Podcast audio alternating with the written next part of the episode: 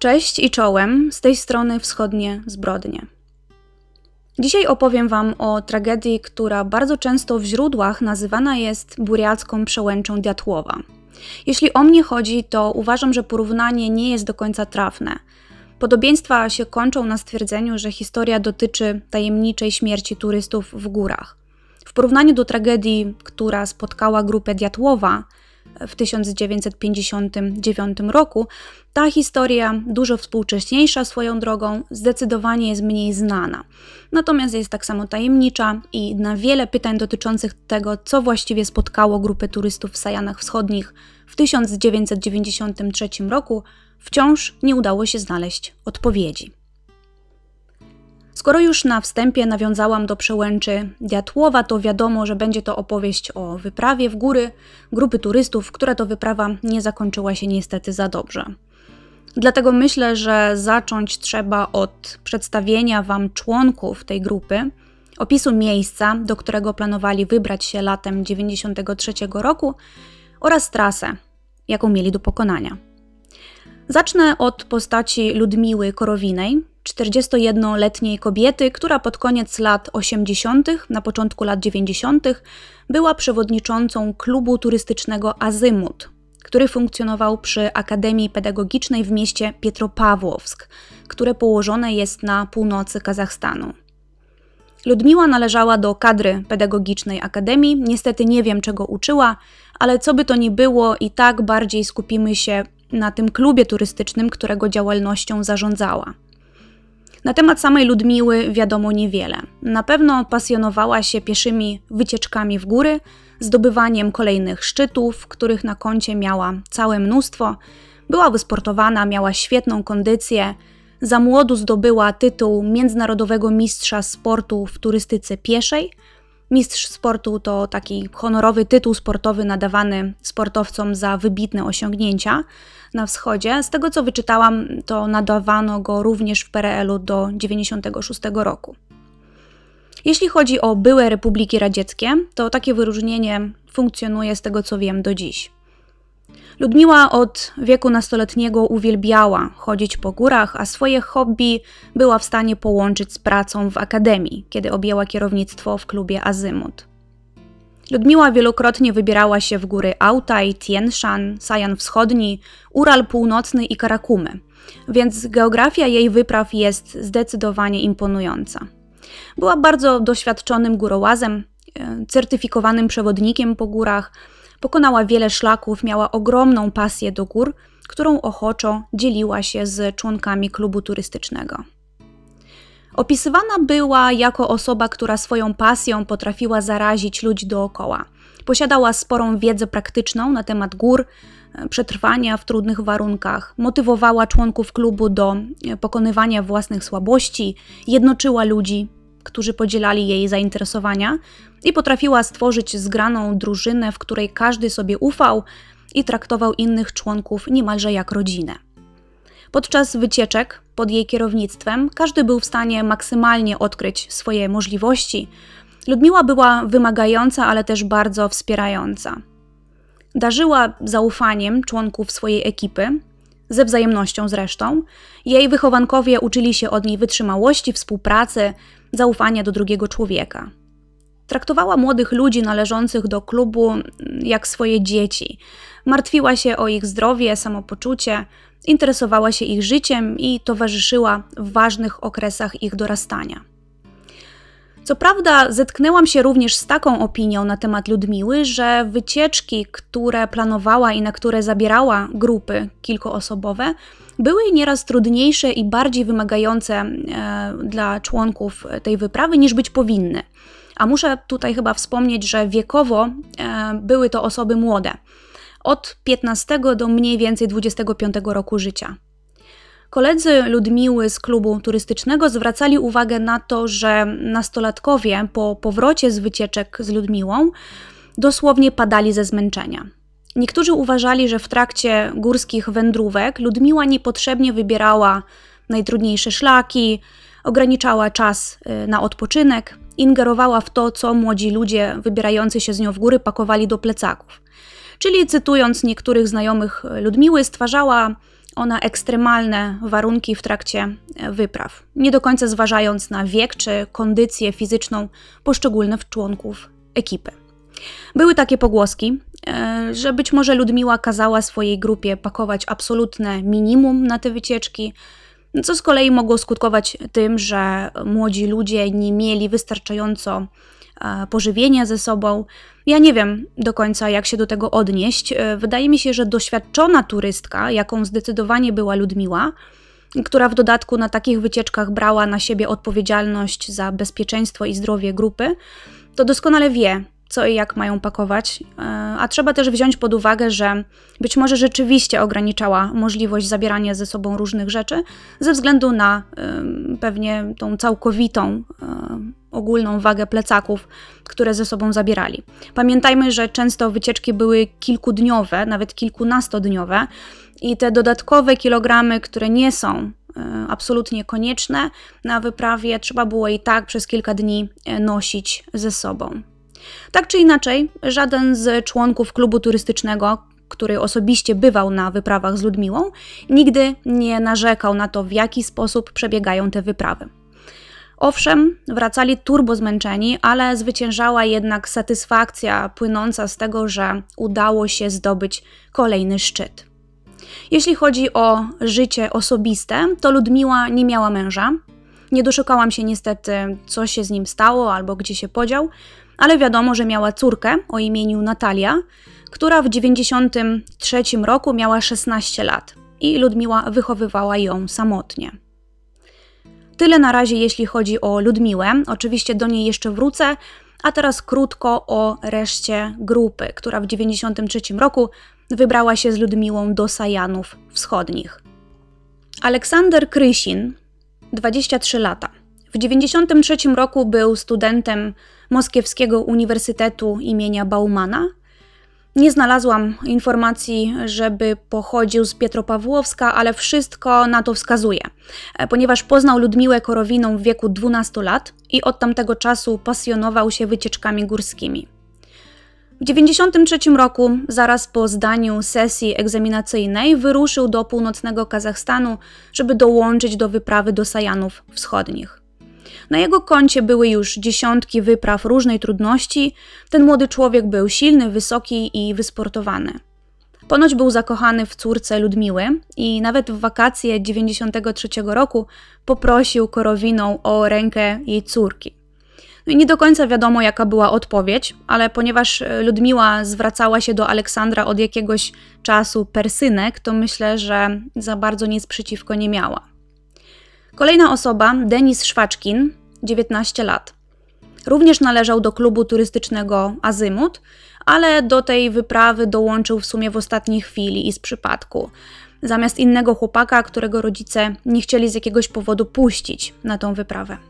Rodzice Denisa z kolei byli wtedy na urlopie, na jakimś kurorcie, więc chłopak przed wyprawą tylko zostawił im w domu notatkę o treści: Idę w góry, niedługo wracam.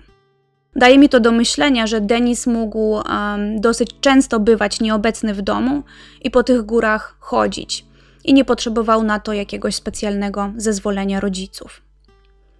Wiktoria Zalesowa, szesnastolatka.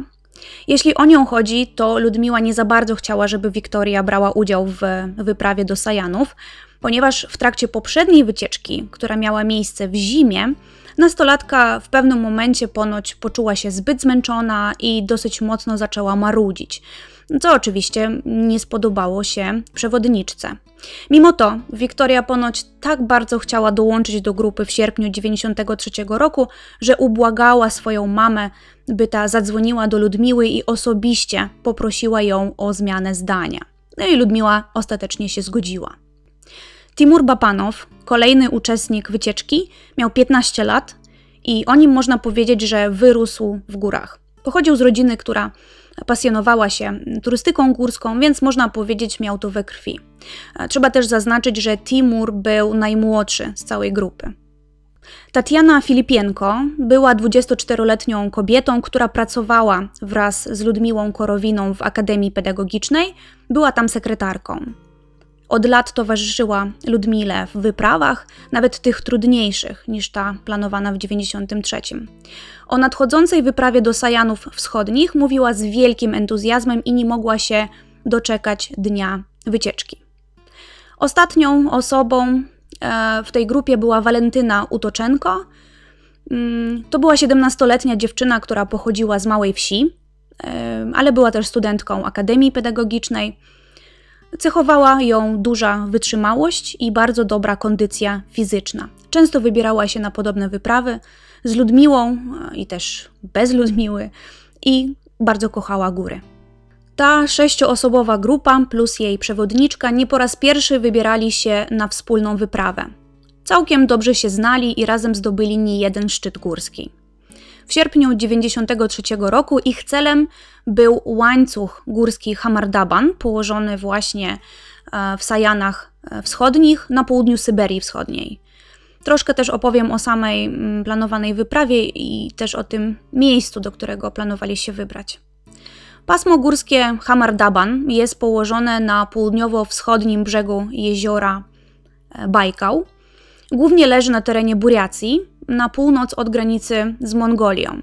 Jeśli ktoś nie wie, to na szybko wspomnę, że Buriacja to kolejna autonomiczna republika wchodząca w skład Federacji Rosyjskiej i znajduje się ona w Syberii Wschodniej. Hamardaban ma 420 km długości i 65 km szerokości. Nie można powiedzieć, żeby to były strasznie wysokie i niebezpieczne góry, bo najwyższy szczyt ma 2396 metrów wysokości e, nad poziomem morza i jest to dosyć lubiana mm, przez turystów część Sajanów Wschodnich. Co roku to miejsce odwiedzają tysiące i tysiące turystów. Natomiast jeśli chodzi o wyprawę na Hamardaban, którą e, planowała grupa Korowinej, to miała ona być dosyć długa, bo kilkunastodniowa. Wyruszyć planowali z małej miejscowości Murino, leżącej nad jeziorem Bajkał, przez przełęcz Łangutajską na szczyt Han Ua, 2371 metrów nad poziomem morza, później przez szczyt Retranslator lub Trytrans, trochę e, niższy, 2300 metrów. Grupa miała zejść do rzeki Śnieżnaja. Od rzeki mieli wyruszyć do jeziora Patowoje, wiem jak to brzmi, co poradzę, a od niego na przełęcz nad jeziorem Czortowo, z którego mieli wyruszyć już do miejscowości Sludianka nad Bajkałem. Łącznie grupa miała do przejścia około 220-230 kilometrów, Wyprawa, jak mówiłam, miała potrwać kilkanaście dni, więc do najłatwiejszych na pewno nie należała. Doszukałam się informacji, że wyprawa miała trzeci stopień trudności w skale od 1 do 5, gdzie piąty stopień to oczywiście najtrudniejsze wyprawy. Przygotowania rozpoczęły się pół roku wcześniej.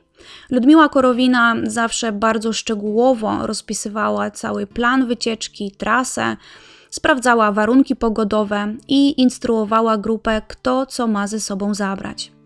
Jeszcze nie wspomniałam o jednej rzeczy. W wakacje 93 roku miała miejsce tak zwana Turiada, czyli coroczna seria wypraw górskich organizowanych przez liczne kluby turystyczne.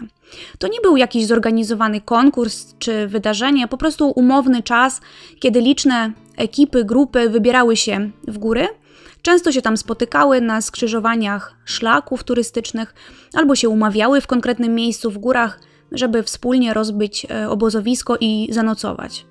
Swoją drogą córka Ludmiły Natalia również w podobnym czasie wyruszyła w góry, ale e, wraz z inną drużyną. Ludmiła miała w planach spotkać się z grupą córki mniej więcej w połowie drogi.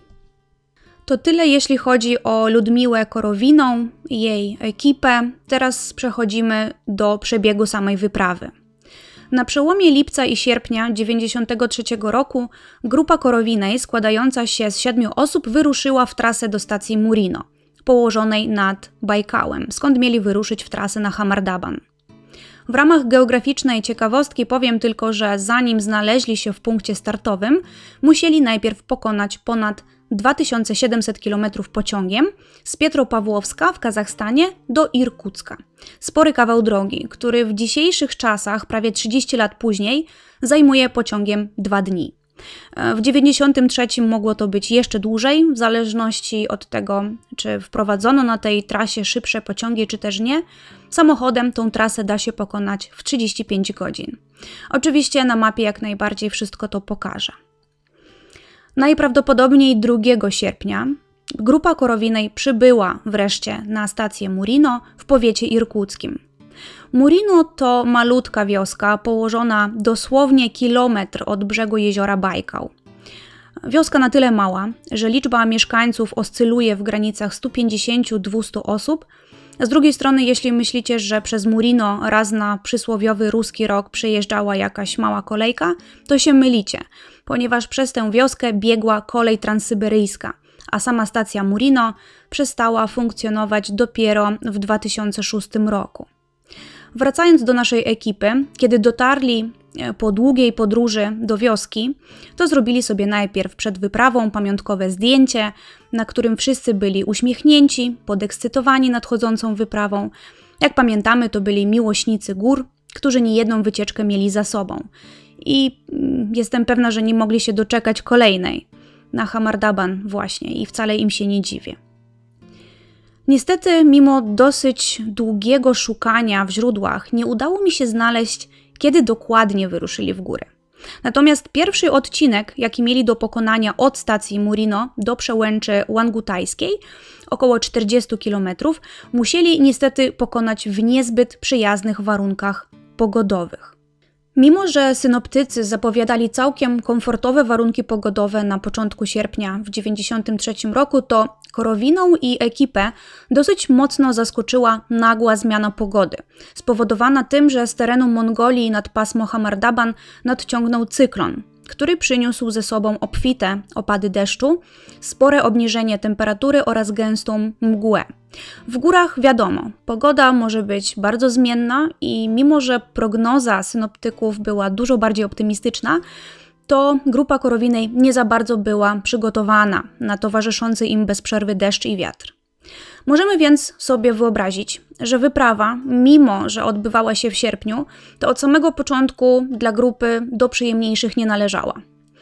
E, pokonywali kolejne kilometry w deszczu, widoczność była utrudniona przez deszcz i mgłę, a kiedy dotarli już do pasma bezpośrednio, to kolejną przeszkodą na ich drodze był gęsty las, który być może przy typowo letniej pogodzie nie stanowiłby większego problemu, przejście przez miejscami bardzo gęsto porośnięty drzewami las utrudniało jednak to, że według wielu źródeł drzewa rosły e, w niektórych miejscach w sposób nienaturalny, cytując świadków, którzy wchodzili na Hamardaban w podobnym czasie. Mówili oni, że drzewa były tak jakby przyciśnięte do ziemi. Chciałam się dowiedzieć, o co dokładnie chodziło z tymi przyciśniętymi do ziemi drzewami, i okazało się, że drzewa nie były powalone, co w sumie też mogłoby utrudnić poruszanie się po szlaku, tylko rosły w ten sposób, że ich pnie położone były wzdłuż ziemi. Żeby wam to zobrazować, to mogłabym poniekąd porównać ten widok e, do krzywego lasku, znowu z opisów osób, które były wtedy w tamtych rejonach. Tylko tyle, że te pnie były dosłownie przyczesane niejako do ziemi, więc grupa musiała w pewnym momencie torować sobie drogę za pomocą siekier. Mam nadzieję, że mój opis ma sens. Jeśli nie, to proszę wybaczyć, chyba nie potrafię tego lepiej ubrać w słowa. Po przejściu około 40 km pogoda się poprawiła i grupa Korowinej po dotarciu do przełęczy Łangutajskiej zrobiła sobie dłuższą przerwę, a właściwie to całodniową. Rozstawili namioty, mogli wysuszyć wreszcie ubrania, porządnie odpocząć i w tym miejscu również przenocować. Dopiero następnego dnia wrócili na szlak i kiedy znaleźli się na grzbiecie pasma górskiego, pogoda niestety znowu się popsuła. Zaczął padać zimny, nieprzyjemny deszcz, zrobiło się wietrznie, mgliście, ale mimo to grupa wciąż trzymała się planu swojej wędrówki i skierowała się e, ku szczytowi Han Ua o wysokości 2370 metrów nad poziomem morza. Han Ua E, choć nie jest najwyższym szczytem Hamardabanu, to z tego co pamiętam niewiele mu do najwyższego brakuje. W każdym razie dla grupy korowinej zdobycie Hanuły miało być najtrudniejszym i najbardziej wymagającym elementem całej wędrówki. Mimo słabej pogody i zmęczenia, z powodzeniem weszli na szczyt, po czym zaczęli schodzić trochę niżej i pomiędzy e, dwoma kolejnymi szczytami, Golec Jagielny i Tritrans, postanowili znowu zatrzymać się na dłużej, a właściwie to na noc. Muszę powiedzieć, że każde z ogólnodostępnych źródeł wspomina, że miejsce, które Korowina wybrała na nocleg, nie było zbyt trafne, ponieważ była to zupełnie e, goła część gór. Zupełnie puste miejsce, bez żadnej roślinności oprócz trawy, niczym nie osłonięte i bardzo narażone na silne działanie wiatru. A jak wcześniej wspominałam, pogoda grupie turystów raczej nie dopisywała od samego początku wyprawy. Skąd wybór tego, a nie innego miejsca na nocleg przez Ludmiłę? Nie wiadomo. Raczej pewne się wydaje, że właśnie ona podejmowała tego typu decyzje, w każdym razie być może zrobiła to ze względu na zmęczenie grupy, być może na wciąż pogarszającą się pogodę, może były inne powody, ale rozstawiono w tym miejscu namioty, grupa zjadła wspólnie kolację i udała się na odpoczynek. Swoją drogą odpoczynek nie był zbyt udany, ponieważ w nocy ten cyklon z Mongolii dał się we znaki jeszcze bardziej. Zerwał się silny wiatr, bez przerwy padał deszcz ze śniegiem, a członkowie grupy kilkakrotnie się budzili w ciągu nocy, by poprawić zrywane co chwilę stelaże do namiotu. Mocno przemokli i zmarzli, więc, jak można się domyślać, do przyjemniejszych ta noc na pewno nie należała. Ludmiła Korowina wraz z członkami swojej grupy przez całą noc marzli w namiotach, w przemoczonych ubraniach, nie mając wtedy oczywiście żadnej możliwości, by rozpalić ognisko i nieco się zagrzać i wysuszyć. Łatwo zdecydowanie nie było, ale jakoś te warunki pogodowe w nocy grupie udało się przeżyć.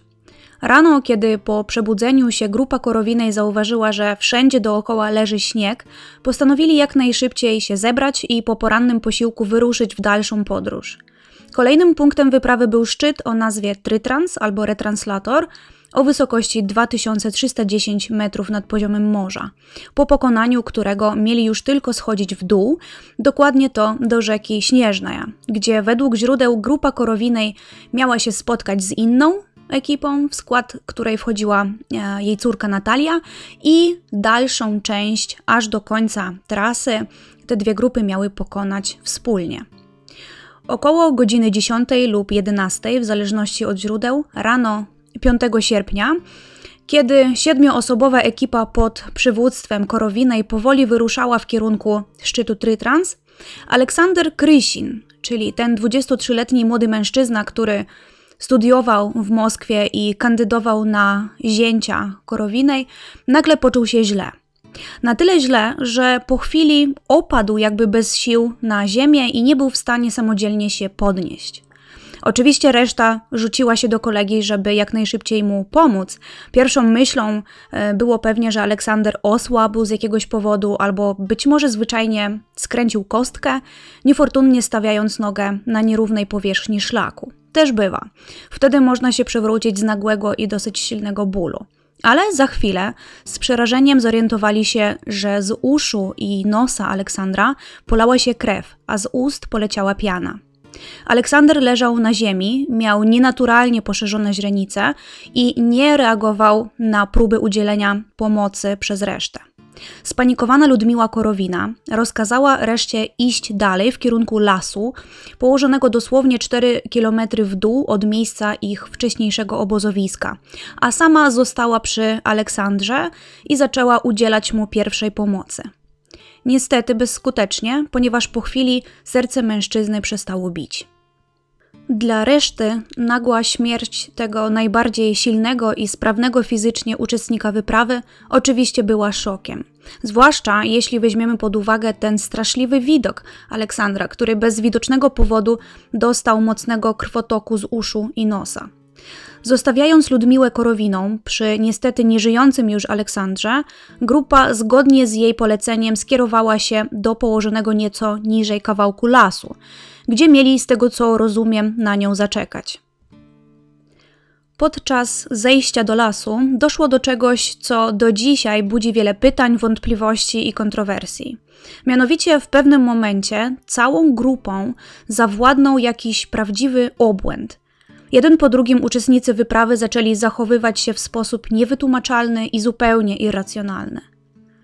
Tatiana, 24-letnia współpracownica Korowinej i doświadczona górołaska, dostała jakiegoś szału czy psychozy i zaczęła bić się głową o leżące na ziemi duże kamienie, praktycznie rozwalając sobie głowę.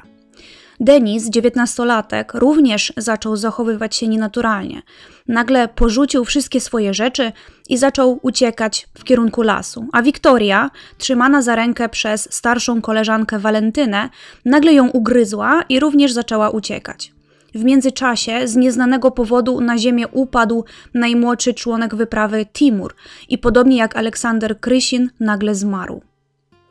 Walentyna Utoczenko, która jako jedyna zdawała się pozostawać w stanie akceptowalnym i w takim kontakcie ze światem rzeczywistym, mimo szoku z powodu widoku takiego absolutnie przerażającego i niewytłumaczalnego zachowania swoich kolegów i koleżanek, postanowiła wrócić do Ludmiły Korowinej i poprosić ją o pomoc, ponieważ nie była w stanie zapanować nad kolegami i koleżankami z grupy. Pozostający jeszcze przy życiu Denis, Wiktoria i Tatiana leżeli na ziemi, zrywali z siebie ubrania, zdejmowali buty i trzymając się za gardło wydawali z siebie dziwne dźwięki, a ich ciałami rzucało na wszystkie strony. Walentyna, nie tracąc czasu, e, podeszła te kilkadziesiąt metrów do góry, ale niestety zobaczyła nieżyjącą już przewodniczkę, której ciało leżało na ciele Aleksandra. Walentyna Utoczenko w tym momencie uświadomiło sobie, że wszyscy towarzysze jej wyprawy leżą w różnych miejscach bez ruchu. Wtedy wróciła na miejsce ich ostatniego noclegu, zabrała śpiwór i kawał plandeki i przenocowała w lesie nieopodal. Rano Walentyna wyszła z lasu i wróciła do miejsca, w którym pozostawiła dzień wcześniej swoich kolegów i koleżanek. Zobaczyła Tatianę leżącą na kamieniach, Obok niej Denisa i Wiktorię, częściowo rozebranych, i najmłodszego Timura. Nikt z nich nie podawał oznak życia. Nieco wyżej ciała Korowinej i Aleksandra w tej samej pozycji jak i dzień wcześniej. Trudno mi sobie wyobrazić, co musiała wtedy czuć pozostawiona sama w górach Walentyna i o czym wtedy myślała, ale nie poddała się panice i znalazła w sobie wystarczająco sił, by zabrać z tego miejsca mapę korowinej, resztę prowiantu i ruszyła dalej, tym razem w poszukiwaniu ratunku. Walentyna najpierw weszła na szczyt Trytrans o wysokości 2300 metrów i spędziła noc przy znajdującej się na szczycie wieży nadajnikowej.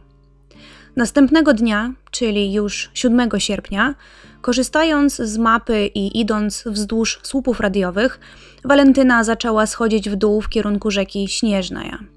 Ponoć po drodze trafiła nawet na kilka starych, dawno opuszczonych domków, w jednym z których mogłaby przenocować, ale zamiast tego kobieta postanowiła nie zatrzymywać się i po pokonaniu kolejnych 8 kilometrów, bardzo zmęczona i zziemnięta, dotarła wreszcie do rzeki Śnieżnaja.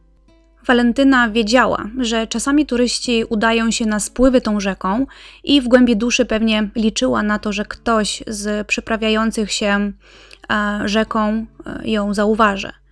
W tym celu rozwiesiła na drzewach rosnących wzdłuż rzeki śpiwór i kolorowy ręcznik, które rzucałyby się w oczy z daleka. Ale prawdą też jest, że liczyła trochę na cud, bo pogoda wciąż nie sprzyjała jakimkolwiek wycieczkom czy wyprawom w tamte rejony. Walentyna Utoczenko miała dużo szczęścia.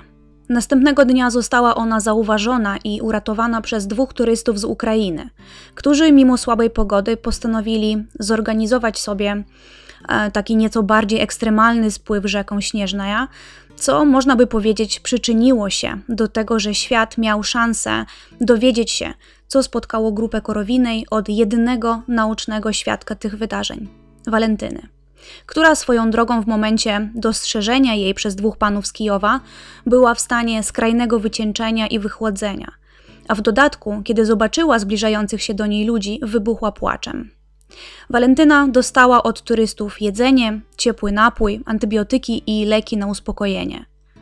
Po dwóch dniach dotarli do miasta Sludianka, czyli punktu docelowego wyprawy grupy korowinej, gdzie po raz pierwszy informacja o tym, co stało się z członkami grupy, ujrzała światło dzienne. Muszę wspomnieć, że to nie było tak, że do momentu dostarczenia jedynej ocalałej z grupy korowinej do miasta zupełnie nikt nie wiedział, nie przeczuwał, że grupa zaginęła i coś mogło się jej stać po drodze. Wspominałam wcześniej o tym, że córka korowinej, Natalia, w tym samym czasie również brała udział w wędrówce górskiej z inną zupełnie grupą i trasy obu krzyżowały się przy rzece Śnieżna w okolicach 6 sierpnia. Kiedy grupa Korowinej nie zjawiła się w umówionym punkcie tego dnia, Natalia i reszta na początku uznali, że prawdopodobnie, mimo dokładnie rozplanowanej pod względem czasowym wyprawy, coś mogło opóźnić Korowiną, choćby niezbyt sprzyjające warunki pogodowe, co zdarza się w górach dosyć często, zwłaszcza przy tak długich wyprawach. Wspominałam, że łącznie Korowina i jej grupa mieli do pokonania około 220 kilometrów. Ekipa, w skład której wchodziła Natalia Korowina, postanowiła zaczekać kilka do kilkunastu godzin na Korowiną i jej grupę. Niestety, jak długo dokładnie, to nie mam pojęcia, po czym jednak wyruszyli w drogę powrotną sami. Ponieważ do przejścia mieli jeszcze około 170 km, zajęło to grupie kolejnych 8 dni. Po dotarciu do miasta Sludianka, Natalia Korowina z przerażeniem dowiedziała się o tym, że jedna z uczestniczek wyprawy pod przewodnictwem jej mamy została uratowana z brzegu rzeki Śnieżnaja 9 sierpnia. I według jej opowieści nikt z grupy korowinej nie przeżył, a ciał należy szukać w okolicy szczytu Han Ua. Przy czym trzeba powiedzieć, że zbyt wielu informacji nie udało się dowiedzieć od Walentyny, ponieważ tamta milczała. Przebywała w ogromnym szoku i zajęło jej trochę czasu, zanim w pełni doszła do siebie. Na moment, kiedy o zagadkowej śmierci grupy korowinej dowiedziała się jej córka, krewni pozostałych uczestników wyprawy i ratownicy, Walentyna o okolicznościach tych strasznych wydarzeń opowiedzieć mogła naprawdę niewiele.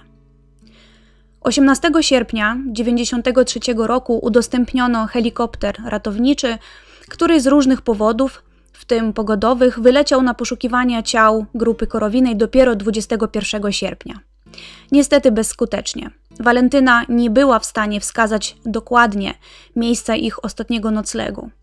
Kolejne helikoptery poszukiwawcze z Irkucka i Ulan-Ude parokrotnie latały nad Hamardabanem, ale żadnych śladów po zaginionej grupie wciąż nie dało się odnaleźć.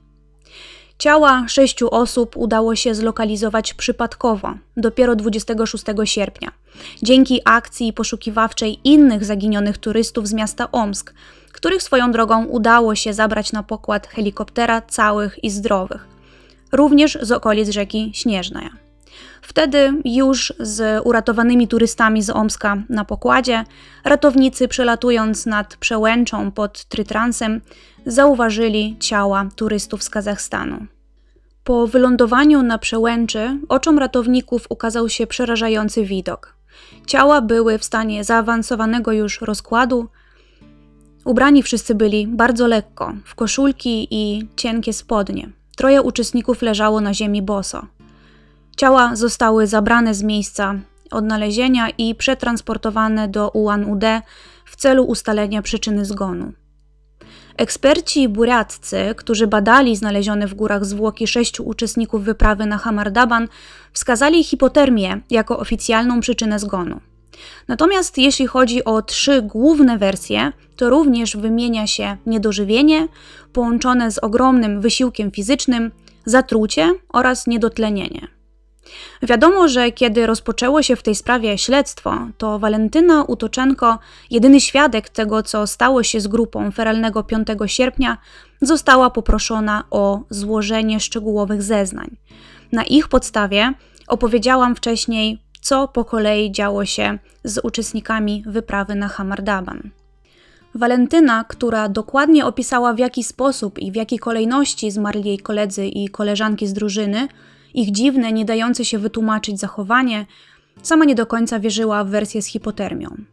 To, co wydarzyło się na jej oczach, było tak straszne i nielogiczne, że śmierć z przechłodzenia wydawała się nie mieć dla niej sensu. Mimo to Wersja oficjalna została niezmienna. Śledztwo umorzono, a ciała sześciu turystów zostały zabrane do rodzinnego Pietropawłowska w Kazachstanie i pochowane na jednym z miejskich cmentarzy. Zanim przejdę do omówienia teorii, tych mniej lub bardziej prawdopodobnych, jak również do wersji oficjalnej oczywiście, wspomnę tylko o tym, że po tragicznych wydarzeniach 5 sierpnia 1993 roku Walentyna Utoczenko, jak również córka Ludmiły Korowinej Natalia, zostały, delikatnie mówiąc, poproszone przez śledczych, by nie grzebać już w przyczynach śmierci młodych ludzi i ich przewodniczki w górach i dać tej historii spokój na dobre. Córka Ludmiły ponoć otrzymała nawet dosyć pokaźną sumę pieniędzy e, na tak zwane milczenie e, w imię dobra ogółu, które wzięła i tego faktu nie ukrywa. Walentyna po tych wydarzeniach sporo czasu spędziła w szpitalu, gdzie długo dochodziła do siebie i z tego co wiem, leczyła się również psychiatrycznie. Po czym wróciła do Pietropawłowska i ukończyła nawet akademię pedagogiczną. Po zakończeniu studiów wyprowadziła się z Kazachstanu, zerwała większość kontaktów i obecnie mieszka gdzieś w Rosji. Z krewnymi zmarłych nie kontaktowała się aż do dziś. W 2019 roku Walentyna pojawiła się w popularnym rosyjskim programie telewizyjnym, w którym przerwała milczenie i opowiedziała osobiście tę historię tak, jak ją zapamiętała. Niektóre szczegóły opowiedziane w 2019 roku nie zgadzają się niestety z jej zeznaniami z 93. Być może wynika to z tego, że przez te wszystkie lata Walentyna próbowała poradzić sobie z traumą i zapomnieć o y, tych strasznych wydarzeniach. Ale to, na co zwróciłam uwagę oglądając ten program, to fakt, że Walentyna nie wdaje się w szczegóły. Unika niektórych pytań albo zasłania się niepamięcią. Nie podaje swojej własnej wersji tego, co spowodowało śmierć e, Korowinej i reszty, i ogólnie odniosłam takie wrażenie, że nie mówi wszystkiego. E, Walentyna wyszła za mąż, od 15 lat mieszka ze swoim mężem, któremu ponoć przez te wszystkie lata nigdy nie opowiadała o strasznej tragedii na Hamardabanie, tłumacząc to tym, że nie chciała wracać do tych wydarzeń i dzielić się wspomnieniami z kimkolwiek, nawet z własnym mężem. Oglądając ten program, miałam nadzieję, że dowiem się nowych szczegółów, którymi uzupełnię dzisiejszy podcast, ale tego nie zrobię. Po pierwsze, dlatego, że skłonna jestem bardziej wierzyć tym oryginalnym zeznaniom Walentyny. E, po drugie, dlatego, że żadnych większych odkryć czy wyznań prawdy od kobiety nie usłyszałam. A po trzecie, miałam wrażenie, że temat został potraktowany przez telewizję jako fajna okazja do e, sprzedania sensacyjnego tematu sprzed lat. Żadnych nowych szczegółów w tej historii nie ma. Śledztwo nie jest wznowione i raczej nie ma takich planów, są tylko domysły i wypowiedzi różnych mniej lub e, bardziej znających się na temacie ekspertów. Program oczywiście podlinkuję w źródłach, jakby ktoś jednak był zainteresowany. A skoro nic nowego e, w tej sprawie się nie wydarzyło, to teraz chciałabym przejść do wersji i teorii, których jest kilka.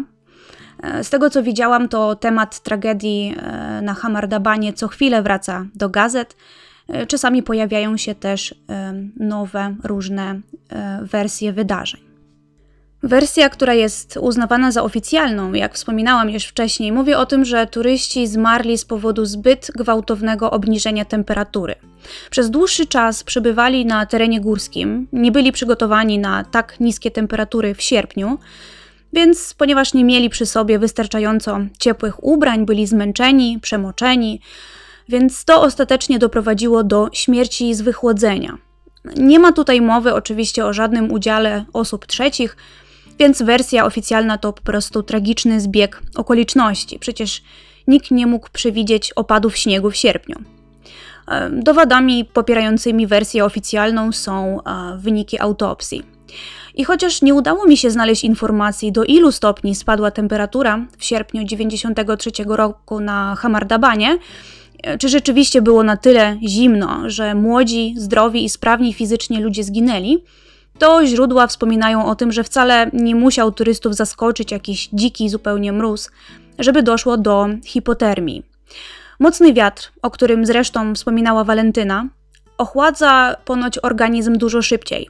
Dochodzi do tak zwanego efektu wind chill, kiedy przyspieszone parowanie wody z powierzchni skóry e, podczas silnego wiatru dodatkowo ochładza organizm.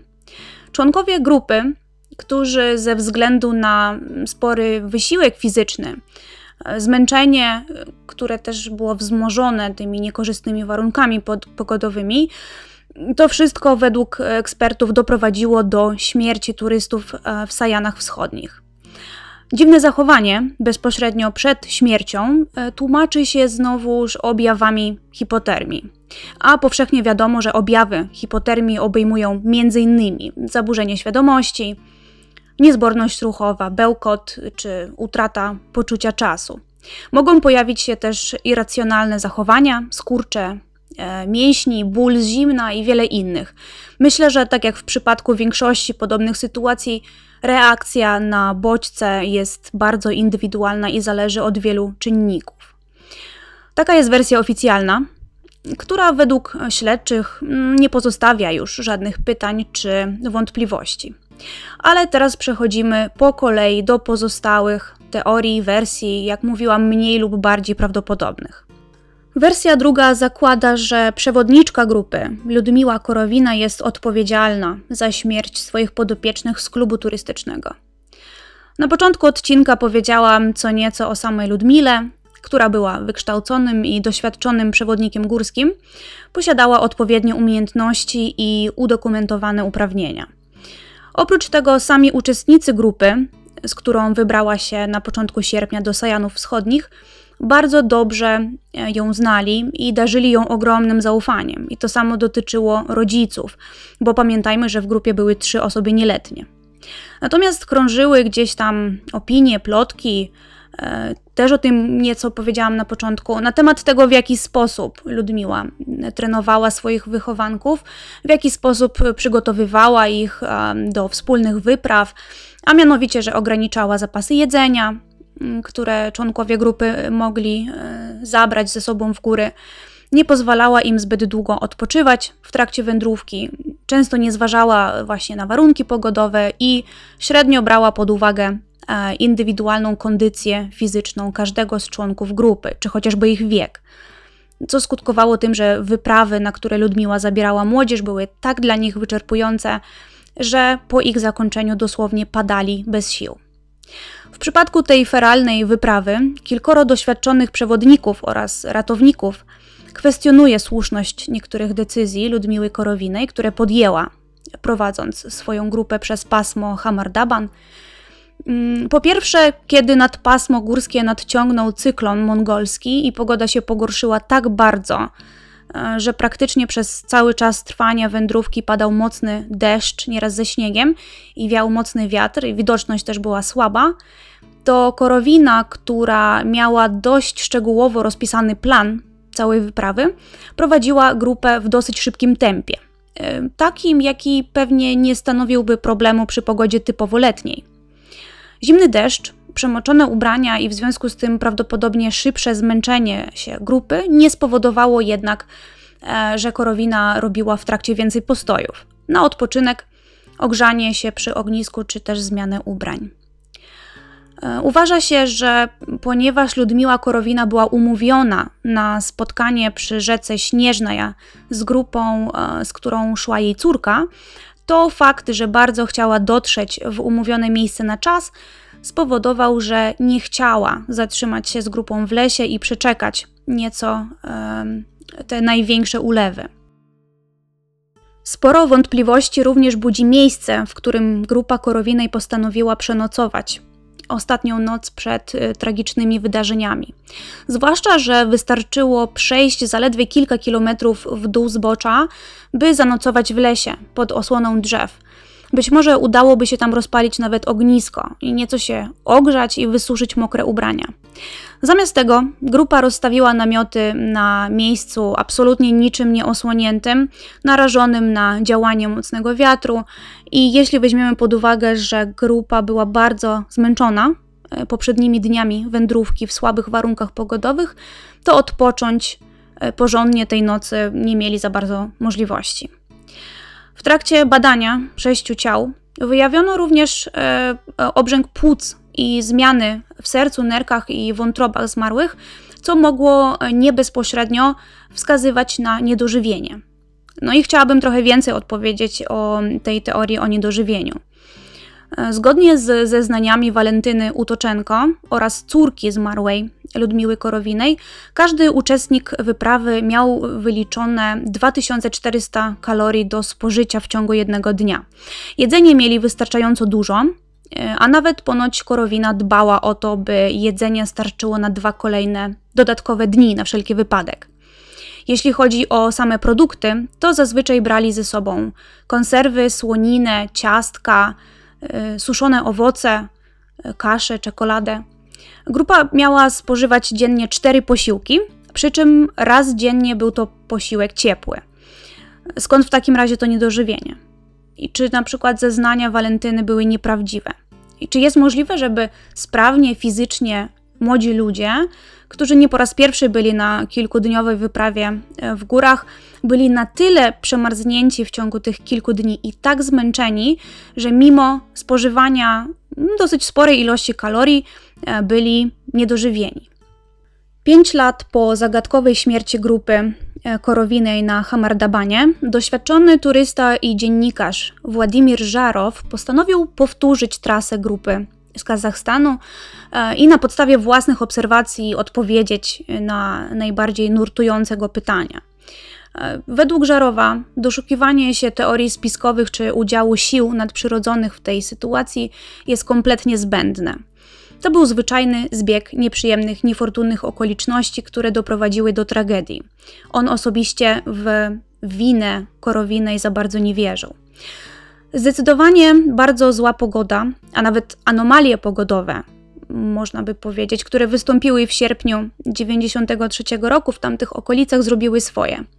Członkowie grupy, wybierając się w lecie na Hamardaban, nie mieli przy sobie odpowiednich ubrań czy cieplejszych kurtek. I niekoniecznie musi to wynikać z ich nieprzygotowania czy niedopilnowania ze strony korowinej. Po prostu takie obniżenie temperatury i tak silne ulewy o tej porze, porze roku w Sajanach y, nie występują. Zimny deszcz padał praktycznie bez przerwy przez prawie 5 dni. Grupa szła w przemoczonych ubraniach, zmarznięta, bez większej możliwości rozpalenia ogniska po drodze. Na pytanie, dlaczego Korowina nie doprowadziła grupę do lasu, czy też na szczyt Trytrans, by tam zatrzymać się na nocleg, Żarow odpowiada, że mogło to wynikać z niedokładności mapy tego terenu w 1993 roku, albo że Korowina, widząc jak bardzo grupa jest zmęczona, nie chciała już ciągnąć ich nigdzie dalej. A jeśli chodzi o obłęd i te dziwne zachowania członków grupy korowinej, e, to ten człowiek tłumaczy tym, że nagła śmierć pierwszego młodego człowieka, Aleksandra Krysina, najsilniejszego w całej e, grupie, wywołało po prostu panikę u całej reszty. No dobrze, teraz teoria spiskowa.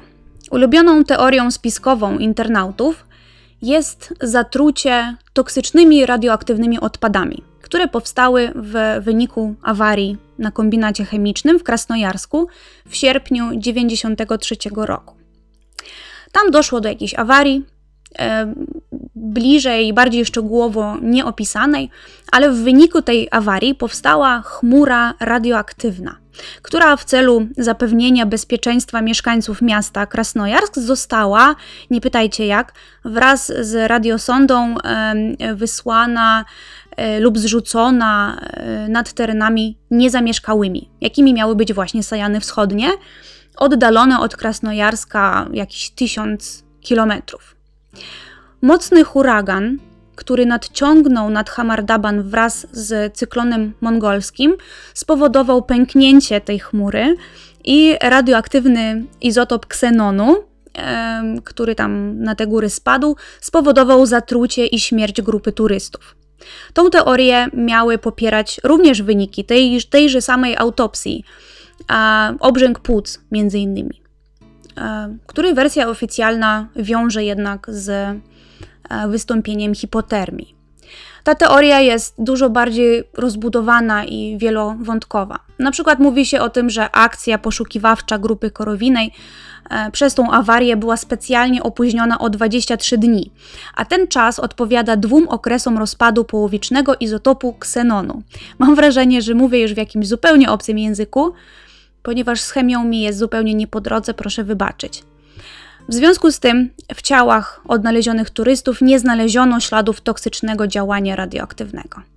Oczywiście ta teoria prawie zawsze idzie w parze z hipotezą o przeprowadzanych operacjach wojskowych e, w 1959 roku, które spowodowały śmierć grupy Diatłowa. E, ja tego zgłębiać nie będę, ale zwolennicy tej teorii zwracają uwagę na pewne podobieństwa w tych dwóch historiach, innymi obarczenie przewodników grup winą za śmierć swoich towarzyszy, utajnione wyniki śledztwa czy opóźnienie akcji poszukiwawczej. Spotkałam się z wersją, że mogło dojść do dość mocnego zatrucia pokarmowego konserwami mięsnymi lub też wątpliwej jakości alkoholem. Co do konserw, trudno mi się do tego odnieść. Oczywiście nie można takiego zatrucia wykluczyć, ale czy mogło ono spowodować te wszystkie dziwne zachowanie członków grupy? Nie wiem. Co do alkoholu, to świadkowie i ludzie, którzy osobiście znali korowiną i chodzili z nią na takie wyprawy, jednogłośnie twierdzą, że o żadnym alkoholu nie mogło być mowy podczas wypraw z Ludmiłą. Było to absolutnie zabronione, tym bardziej, że ze sobą zabierała y, często osoby nieletnie. Poza tym, czy mogłoby to wtedy y, umknąć uwadze patologów w trakcie badania zwłok? To znaczy, może alkoholu by nie znaleźli, ale y, być może coś podczas sekcji mogłoby wskazywać na takie zatrucie. A z teorią zatrucia wiąże się kolejna, a mianowicie zatrucie spowodowane spożyciem zbyt dużej ilości złotego korzenia. Chodzi o roślinę o nazwie różeniec górski, który występuje w Ameryce Północnej, ale również w Eurazji. Różeniec ma wiele właściwości leczniczych, a w warunkach takich długich wędrówek po górach stosowany przez turystów jest dlatego, że ma ogólnie wzmacniający wpływ na stan psychofizyczny człowieka Stosuje się go podczas nadmiernego wysiłku fizycznego, przy objawach przemęczenia, a oprócz tego ma właściwości adaptogenne, czyli pomaga organizmowi szybciej i łatwiej przystosować się do zmieniających się e, czynników zewnętrznych. E, z zeznań Walentyny Utoczenko wynika, że przez cały dzień poprzedzający tragiczną śmierć członków grupy, będąc na szlaku, zbierali oni ten złoty korzeń ale spożywali go w bardzo niewielkich ilościach. Raz dziennie, do obiadu, w celu właśnie takiego ogólnego wzmocnienia organizmu. Natomiast ratownicy znaleźli w plecaku korowinej bardzo duże ilości tych korzeni.